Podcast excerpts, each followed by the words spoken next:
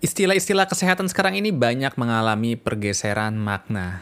Akibat banyak orang-orang yang menggunakan istilahnya itu hanya untuk keren-kerenan aja.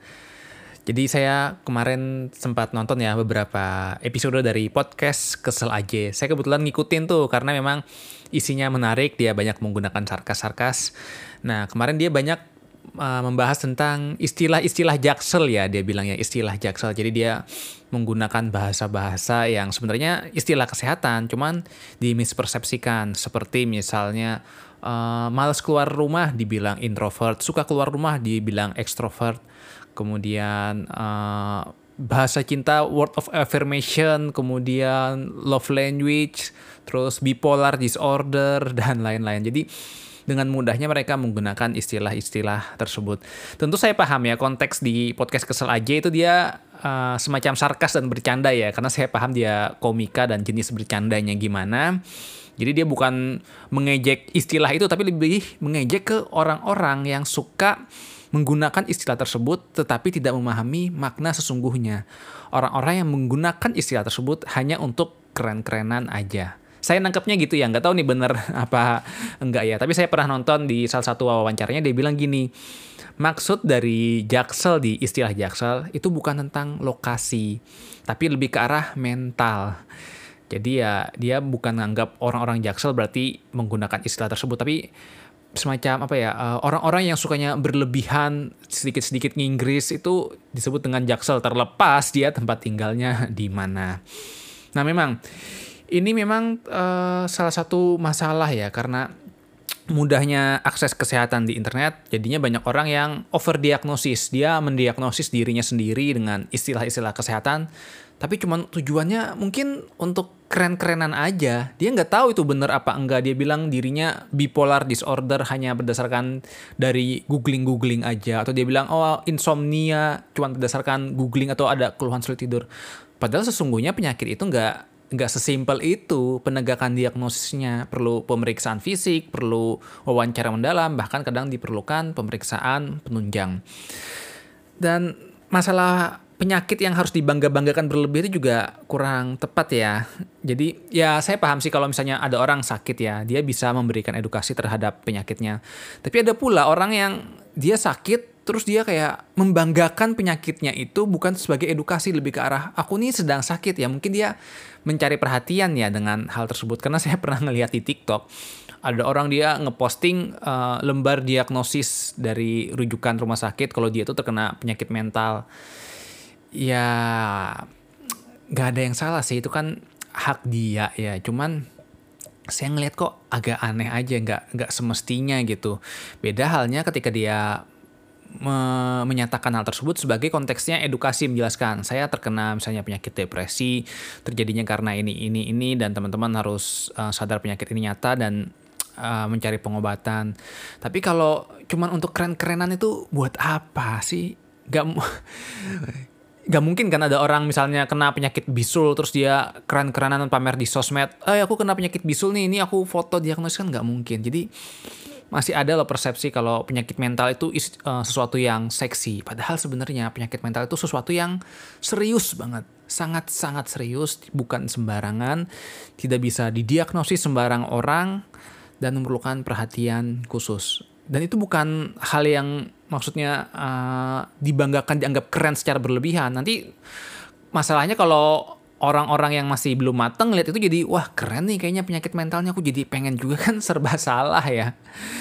Padahal ya sebenarnya penyakit mental itu bukan sesuatu yang kita inginkan. Ini seperti mirip fenomena penggunaan behel ya. Penggunaan behel kan sebenarnya itu untuk uh, menanggulangi masalah di gigi. Cuman banyak orang yang menggunakannya sebagai keren-kerenan. Jadi sebenarnya nggak ada masalah dia pasang aja. Kadang masangnya bukan di dokter gigi, di tempat sembarang yang eh, nggak uh, terstandar. Akhirnya ya banyak orang-orang ngikutin juga dan akhirnya terjadi pergeseran makna. Behel yang seharusnya untuk perawatan gigi digunakan sebagai fashion. Bahkan orang-orang yang sebenarnya tidak memerlukan penggunaan behel akhirnya pakai dan pakainya dia menggunakan uh, jasa-jasa uh, yang tidak tepat atau yang ilegal bukan orang kesehatan sehingga timbullah masalah. Nah, masalah mental juga sama ini. Ini yang men, uh, menjadi concern utama saya ya. Sebenarnya masalah overdiagnosis ini udah cukup sering terjadi ya. Bukan hanya di masyarakat umum, bahkan di mahasiswa-mahasiswa kedokteran pun hal ini juga terjadi. Ada istilah namanya uh, medical student syndrome atau sindroma mahasiswa kedokteran. Kenapa namanya sindroma mahasiswa kedokteran? Karena ini biasanya mengenai para mahasiswa-mahasiswa kedokteran yang sedang belajar, jadi yang masih mahasiswa ya. Nah, biasanya kan mahasiswa kedokteran itu kan dia belajar penyakit-penyakit tuh. Entah ada penyakit mungkin pencernaan, penyakit tumor, penyakit mata, dan lain-lain.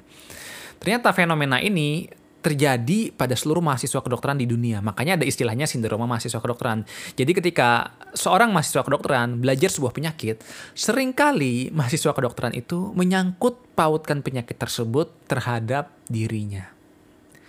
Misalnya ya, ini ada mahasiswa kedokteran dia lagi belajar tentang kanker paru-paru ya. Terus tiba-tiba setelah dia belajar kanker paru-paru, dia ngerasa nih, wah kok aku gejalanya muncul seperti kayak kanker paru-paru ya? Kok aku mudah batuk-batukan ya? Kok aku ngerasa sesek ya? Lalu dia mempersepsikan dirinya sendiri itu kalau dia mengidap kanker paru-paru. Bahkan dia sampai mencari pertolongan, entah dia foto ronsen atau ke dokter paru. Dan ini real kejadian nyata karena saya sering juga uh, ngeliat ini ke teman-teman saya. Saya juga sempat ngalamin ini ya selayaknya mahasiswa kedokteran pada umumnya. Jadi ya overdiagnosis ini cukup berbahaya juga sering kali terjadi karena kita mendapatkan sebuah informasi yang baru. Selain itu, saya juga sering nih nemuin ketika saya sedang berpraktik ya sebagai seorang dokter.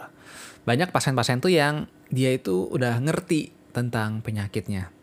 Jadi ketika saya ketemu pasien, banyak pasien yang bilang, dok, saya uh, ini kena ini dok, uh, disfungsi ereksi dengan ejakulasi dini nih.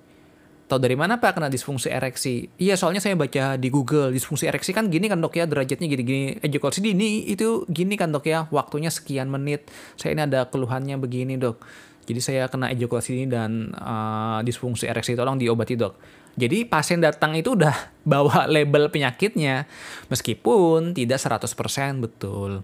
Karena memang uh, sering kali banyak orang yang uh, melebih-lebihkan gejalanya meskipun sebenarnya itu kurang tepat ya. Jadi misalnya gejalanya sebenarnya dia nggak mengarah ke disfungsi ereksi, cuman dia menegakkan sendiri, cuman berbekal ilmu seadanya dan dari internet dia menganggap dirinya terkena disfungsi ereksi. Nah, oleh karena itu, fenomena dokter di era sekarang ini, dokter itu harus benar-benar upgrade ilmu ya, biar nggak kalah dari kemampuan si pasien yang gak, kan aneh ya kalau pasiennya lebih tahu penyakitnya dibandingkan sang dokter ya buat apa kalau gitu dia berobat ke dokter.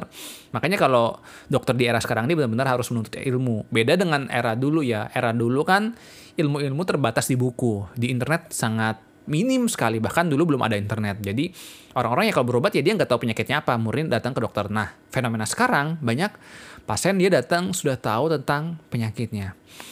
Tentu ini bisa jadi hal yang baik, tapi juga bisa menjadi hal yang buruk. Hal yang baik, pasien menjadi lebih teredukasi tentang penyakitnya, dia tahu tentang penyakitnya, harus berbuat apa, dia memiliki rasa tanggung jawab terhadap dirinya sendiri. Tapi yang buruknya adalah sering kali itu tadi jadi overdiagnosis. Dia menegakkan diagnosis penyakitnya sendiri padahal kurang tepat. Kadang mereka uh, sering kekeh dibilang dokternya, kamu sebenarnya belum kena penyakit ini, ini nggak benar, tapi dia masih ngerasa bersikeras atau bahkan dia sampai minum obat sendiri, cari obat sendiri dari Google Google gitu. Ya, jadi masalah overdiagnosis ini cukup rumit ya. Sebenarnya sih idealnya tentang masalah-masalah kesehatan itu tidak bisa menjadi konsumsi umum ya karena itu di rentan memiliki misinformasi. Makanya kalau buat teman-teman saran saya sih misalnya terkena penyakit tentu nggak ada masalah ya mencari tahu tapi saran saya konsultasi dulu dengan ahlinya, yaitu misalnya dokter, dokter spesialis. Setelah tahu masalah penyakitnya apa, barulah bisa cari info-info tuh. Jadi biar tahu penyakit yang diidapnya itu penyebabnya karena apa, harus bagaimana. Jadi sebagai membantu dirinya sendiri supaya bisa lekas sembuh. Dan ingat kembali lagi kalau istilah-istilah kesehatan itu bukan untuk keren-kerenan. Itu masalah serius. Yang saya khawatirkan nanti banyak orang yang akhirnya menggunakan istilah tersebut terhadap keren-kerenan dan ketika ada orang yang benar-benar sakit mentalnya justru dia dianggap berlebihan. Oleh karena itu jangan mudah untuk mengoverdiagnosis dan melebih-lebihkan istilah kesehatan. Istilah kesehatan adalah sesuatu yang sangat serius. Terima kasih sudah mendengarkan.